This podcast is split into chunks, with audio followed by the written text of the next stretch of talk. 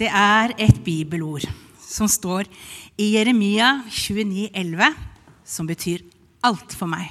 Vet dere hvilket ord det er? Ja, få høre. For jeg vet hvilken tanker jeg har med dere, sier Herren. Fredstanker og ikke ulykkestanker. Jeg vil gi dere fremtid og håp. Jeg skal komme tilbake til det verset noen ganger, slik at dere får sagt det noen ganger, slik at når vi går herifra, så kan alle det verset og har det liksom med seg inn i uka. Så hva er håp? Hva er å håpe? Jeg leste et sted at håp er en medisin som ikke helbreder, men den gir oss utholdenhet til å lide litt lenger. Hm, ja, Sånn kan man vel si det òg. Og så har vi hørt det sagt at så lenge det er håp, nei, da gir vi ikke opp. Men mister vi håpet, så er det også lett å gi opp. Og I Hebreerne 11,1 så står de kjente ordene at men tro er full visshet om det som håpes. Visshet om det som håpes, er troen. Ja. Jeg leste, altså, men tro er full visshet om det som håpes, overbevisning om ting som ikke kan ses. Det å ha håp, det er livsviktig for oss mennesker. For det er når håpløsheten overskygger livets gode sider, at vi mennesker går inn i perioder med nedstemthet, depresjon og tap av livsglede. I 2007 så flyttet vi til Island for å plante en menighet i Reykjanesberg. Vi hadde et flagg og 10 000 kroner og en garasje vi kunne holde gudstjenester i. Til jeg kjørte ned den garasjen og ødela hele salen. Da fikk vi en ny sal. Nei da. Men det ordna seg, det òg. Eh, og eh, da husker jeg Vi var på besøk hos ordføreren der. og Så spurte vi hva er det Reykjanes Beir trenger. Hva kan Frelsesarmeen bidra med her? Og så gjorde han sånn som vise menn gjør. ikke sant? Tenke litt. Hmm. Og så sa han vi trenger at de som bor her, får et fremtidshåp. Fordi at i den byen så er det mye arbeidsledighet. Det var mye eh, mennesker som bodde der, som var, eh, hadde lavinntekter og, og, mye sosiale utfordringer. Og spesielt i det området hvor vi skulle flytte inn på. Framtidshåp. Og vi tenkte ja, det er også Frelsesarmeens og vår oppgave å være med og bringe fremtidshåp. I 2012 så fikk vi den muligheten å, å, reise ned til Paraguay som frivillige med barna våre. For vi ville gjerne at de skulle oppleve en annen slags sommerferie. De skulle få oppleve hvordan det var andre steder i verden og få være med å bidra. Så vi tok noen ekstra uker permisjon, og vi reiste ni uker bort. Og besøkte Ruth Bente og Tore Paulsen, som da var ledere for barnehjemmet El Redil i Paraguay. I løpet av de ukene så talte Gud til oss så mektig. Ikke bare til oss. Han var den siste som han klarte å overbevise, var meg. Men våre barn fikk også et kall til at de, de, bare Kan ikke vi flytte hit eller jobbe? Kan ikke vi reise på noe sånt? Og det var, skjedde så mange ting. slik at eh, når vi kom hjem, så sa vi til ledelsen og Margaret var vitne til dette her, ikke sant? at eh, vi kjenner at vi ønsker å reise dit. Og så ble det noen samtaler, og ja, vi fant ut at jo, vi var villige til å reise andre steder enn Paraguay også, om det var det Guds vilje. Men at vi var klare for misjonstjeneste. Og så ble det det. En, et år senere så var vi fem stykker med Silje på 11 og Moira på 13 og Aron på 15 som reiste halve verden rundt. Um, ja. Vi, møtte, vi kom til et land hvor det er ekstrem fattigdom, enorme utfordringer, sosial urettferdighet, undertrykkelse, overgrep, vold, barn som ikke får gå på skole og heller må jobbe med å vaske vinduer eller tigge. Mennesker syke eller handikappet og derfor måtte tigge for å overleve. Fattige som døde fordi det ikke var penger for medisin, mens det finnes mer enn nok medisin der for, som kunne ha reddet dem. Og som Walter sa, landsbyer som ikke fikk vann og drikke. Barn, mennesker som blir kjøpt og solgt. Mye vanskelig, mye håpløst. Dere som kjenner meg, dere vet at jeg av natur er jeg ganske positiv. Jeg liker å bruke humor og prøver å se på positive sidene. Og tenke at det går som regel bra til slutt. Men i løpet av den tiden i Paraguay så opplevde jeg at, som jeg sa, at det ble overveldet av en følelse av håpløshet i en situasjon vi hadde der, hvor jeg kjente det er, dette er umulig. Og jeg følte at Gud var så langt borte. Og, jeg, og, og det var så jeg følte at det vi gjorde, var som en liten dråpe i et hav. Det, det gjorde ingen forskjell, liksom, følte det. Og det var bare negative tanker. Og da ble jeg igjen minnet på dette ordet.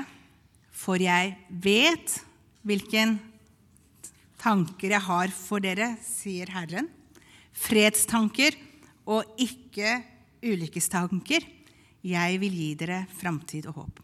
Og en natt når jeg var så fortvila, og jeg gråt og jeg ba til Gud Jeg bare gråt. Jeg må bare reise hjem. Jeg var helt fortvila. Så et eller annet sted i fortvilelsen og bønnen så sovnet jeg. Og så plutselig så våknet jeg og hørte liksom, Akkurat som inni meg så var det sanger, bibelvers og sanger som bare kom til meg, som handlet om at Gud var med, og styrke. Og jeg kjente det som om jeg bare var i Guds nærvær og kjente at jeg ble bare fylt av en kraft og overbevisning om at jo, det er håp, og Gud er med videre. Og så begynte jeg å tenke på og se meg tilbake på alt Gud hadde gjort. Tenkte på han gutten som kom på ungdomsmøte en av de første ukene vi var der. Grå som bare det. Vennene tok han med, for han hadde prøvd å ta livet sitt den dagen. Og så ble han bedt for. Og så kom vi dit noen uker senere, og så var det en helt annen gutt som hadde fått lyset tilbake i øynene og lovpriste Gud. Eller eh, Milagros, jenta vår, som var på barnehjemmet, som brakk skulderen. Som Gud helbreda fullstendig. På fredagen hadde vi et røntgenbilde med en skulder som var eh, knust. På mandagen tok de et nytt røntgenbilde, og skulderen var frisk. For et mirakel. Ikke nok med det, denne jenta hadde en håpløs situasjon. Gud åpnet veien og la til rette slik at hun fikk den hjelp hun skulle ha. Gud er god. Og barna vi hadde, som hadde mange opplevd de mest grusomste ting, som allikevel kunne smile og le og hadde fremtidshåp, det var et mirakel. Alle de gangene vi ikke visste hvordan vi skulle betale regningene eller dekke alle utgiftene til barnehjemmet, så hver gang, om det så var i siste liten, så grep Gud inn. Vi har så mange fortellinger om hvordan Gud grep inn, hvordan han forsørget oss, det var ikke sånn at vi fikk alt det vi ville ha, men vi fikk det vi trengte.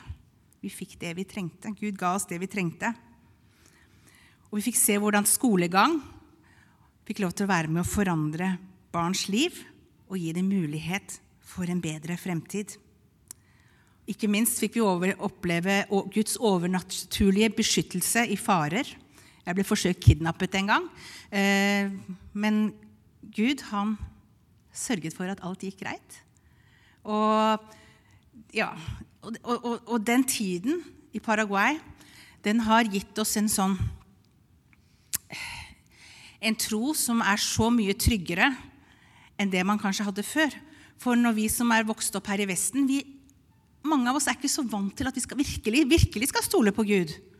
Fordi når vi er syke, så kan vi bare gå til legen, og vi har penger, og vi kan fikse ting, og vi gjerne fikser alt selv.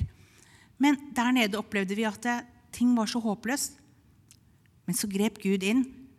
Ikke alltid. Noen ganger. Jeg har mange spørsmål jeg skal spørre Gud om når jeg kommer til han. Fordi hvorfor ikke han hjalp i den og den situasjonen. Men det han alltid gjorde Vi kjente at han var alltid til stede også der det var vanskelig, og når Gud også kom med bønnesvaret som var vent, Eller ikke nå. Ehm, og eh, ja, i Temba. Etembia var et av disse prosjektene. Det var også misjonsprosjektet til Faber for noen år tilbake, som betyr håp. Og det skal vi få lov til å være med og formidle. Gud, han, så vet jeg ikke, så er det noe sånn at jeg, vi kan snakke masse om all håpløsheten og alt det vanskelige ute i verden. Her, jeg ser at det er mennesker her som sikkert har bodd mange andre steder i verden og, og opplevd ting som ikke er så enkelt. Eh, men så, vi, så, vet vi at her i Norge også så er det mye mørke. Så er det mange mennesker som lider. Mange mennesker som har det vondt på så forskjellige måter og kjenner at ting virker håpløst eller meningsløst. Og da er vi kalt til å være, være der som lys i verden. Være der og bringe håp, trøst, men også kunne gråte med de gråtende. Jeg sa nå i begynnelsen at i, mitt, i, i kallet, når Gud kalte oss til tjeneste, så var det 'ta på deg lidelse'. Og Av og til så er det sånn at vi som kristne er nødt til å på en måte, Vi ser så mye at vi også skal liksom lide med de som lider. Og vi kjenner det, og det er ikke enkelt. Men Gud, han svikter ikke. Han er der til det siste, helt til det endelige håpet som vi også har i himmelen. Og, og det er så trygt at uh, i løpet av disse åra så kjenner jeg at jeg kan si sammen med Paulus at uh, om jeg lever eller om jeg dør, så hører jeg Herren til. Om jeg lever eller dør, så hører jeg Herren til. Så samme hva som skjer, så vet jeg at Gud er med, og det er alltid et framtidshåp. Håp er en gave som Gud har gitt oss, om at Han er med gjennom alt fordi Han elsker oss, døde og oppsto for oss, slik at vi som er Guds barn, har dette evighetshåpet, en himmel i vente også.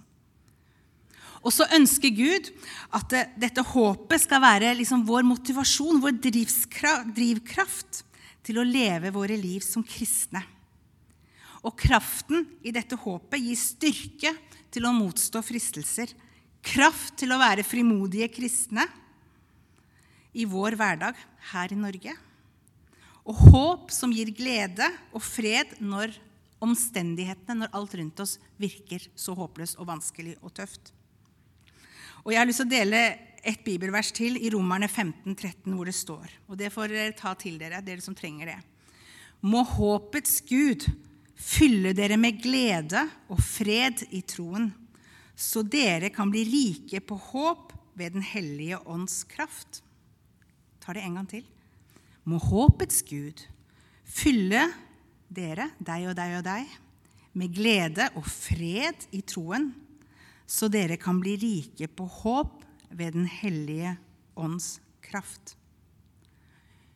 Midt i håpløsheten, midt i stormen, så kan Gud gi oss den fred som overgår all forstand.